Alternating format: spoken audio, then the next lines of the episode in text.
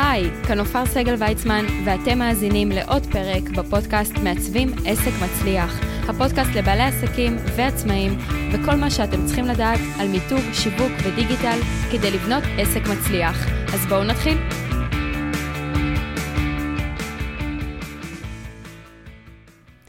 היי לכולם, מה שלומכם? אז היום אנחנו נדבר על שאלה שככה מטרידה הרבה בעלי עסקים והרבה עצמאים, האם לשים את עצמם בפרונט כבן אדם שמוביל את החברה, שהוא בעל העסק, או ממש לנתק ולתת לחברה לעמוד בפני עצמה. אז זו איזושהי דילמה שהרבה ככה מתמודדים איתה ולא יודעים מה לעשות, אבל אני חייבת לומר שהיום אנחנו בעידן מאוד אותנטי. אנשים מאוד אוהבים לראות מי נמצא מאחור, אה, גם חברות מאוד גדולות כמו פייסבוק, או אפילו, אתם יודעים, כל חברה מאוד מאוד רצינית, דואגת להיות בפרונט. הבן אדם שבנה אותה, הבן, המנהלים שלה, דואגים כל הזמן להיות מקדימה. אגב, היום הגישה אומרת שגם את העובדים שלכם שימו בפרונט, תראו שהם אוהבים לעבוד אצלכם, מה הם עושים אצלכם ותפרגנו גם להם. אז הגישה היום היא שאנשים אוהבים לקנות מאנשים. הם מחפשים להתחבר אליכם ספציפית, כי בדרך כלל יש עוד בעלי מקצוע בדיוק כמוכם, שעושים בדיוק אותו דבר כמוכם, ולפעמים רק מהחיבור החיבור האישי, שהם ראו את הפנים, ראו מי עומד מאחורי החברה, הם יבחרו לעבוד דווקא איתכם ולא עם המתחרים שלכם. אז אני חושבת שהמטרה היא כמובן לשלב גם וגם, לא כל הזמן לשים רק אתכם, הרבה פעמים אפשר לרשום איזשהו פוסט אה, שהוא הרבה יותר כללי על החברה או מטעם החברה.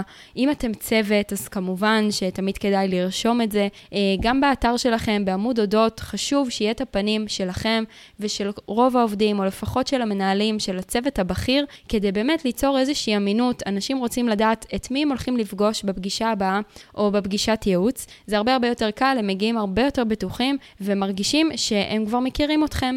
למה? כי הם כבר ראו את התמונה שלכם, הם כבר ראו סרטון שלכם, אה, איזשהו סטורי שהעליתם. מאוד מאוד חשוב דווקא כן לשים את עצמכם בפרונט, אבל אם יש לכם שירות או מוצר, לחלוטין אפשר הרבה פעמים להעלות איזושהי תמונת אווירה, אה, או של המוצר עצמו אפילו, וישירות לדבר על זה ועל השיווק שלכם ולספר עליו. זאת אומרת, לנסות לשלב, הכל עניין של מינון. אני מכירה גם עסקים ששמים רק את עצמם בפרונט וזה עובד.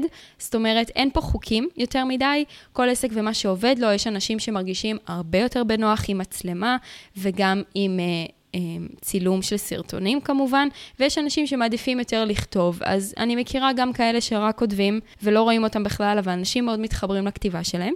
ואני מכירה גם אנשים שהם מעולים בסרטונים ולדבר בלייב מבלי להקריא שום דבר, וזה עובד להם נהדר. אז מי שככה נמצא באחד משני הקיצוניות שציינתי הרגע, אני ממליצה קצת ללכת לאמצע.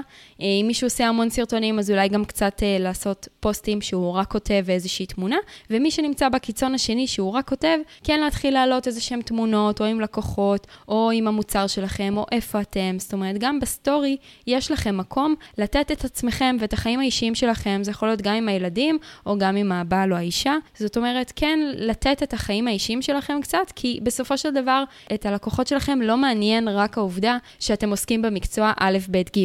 מעניין אותם שיש לכם חיים אישיים, ומה אתם עושים בזמן הפנוי שלכם, ומה התחביבים, כי לפעמים דווקא דרך התחביבים ותחומי העניין הנוספים שלכם, הלקוחות יתחברו אליכם יותר. אז עד כאן לפרק הזה. אם אתם מכירים מישהו שהפרק הזה יכול להועיל לו ולעזור לו, שילחו לו לינק ושתפו אותו.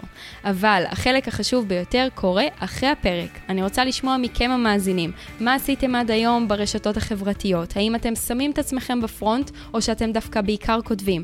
מה אתם הולכים לעשות ולשנות מחר בבוקר בעסק שלכם כדי למנף אותו למעלה בזכות הפרק הזה. חפשו בגוגל מעצבים עסק מצליח וכתבו לי בתגובות באתר. או בקהילת מעצבים עסק מצליח בפייסבוק. בנוסף, אני ממליצה לכם כמובן ללחוץ subscribe ולקבל עדכונים מיד כאשר יוצא פרק חדש. תודה רבה לכל המאזינים, נתראה בפרק הבא של מעצבים עסק מצליח.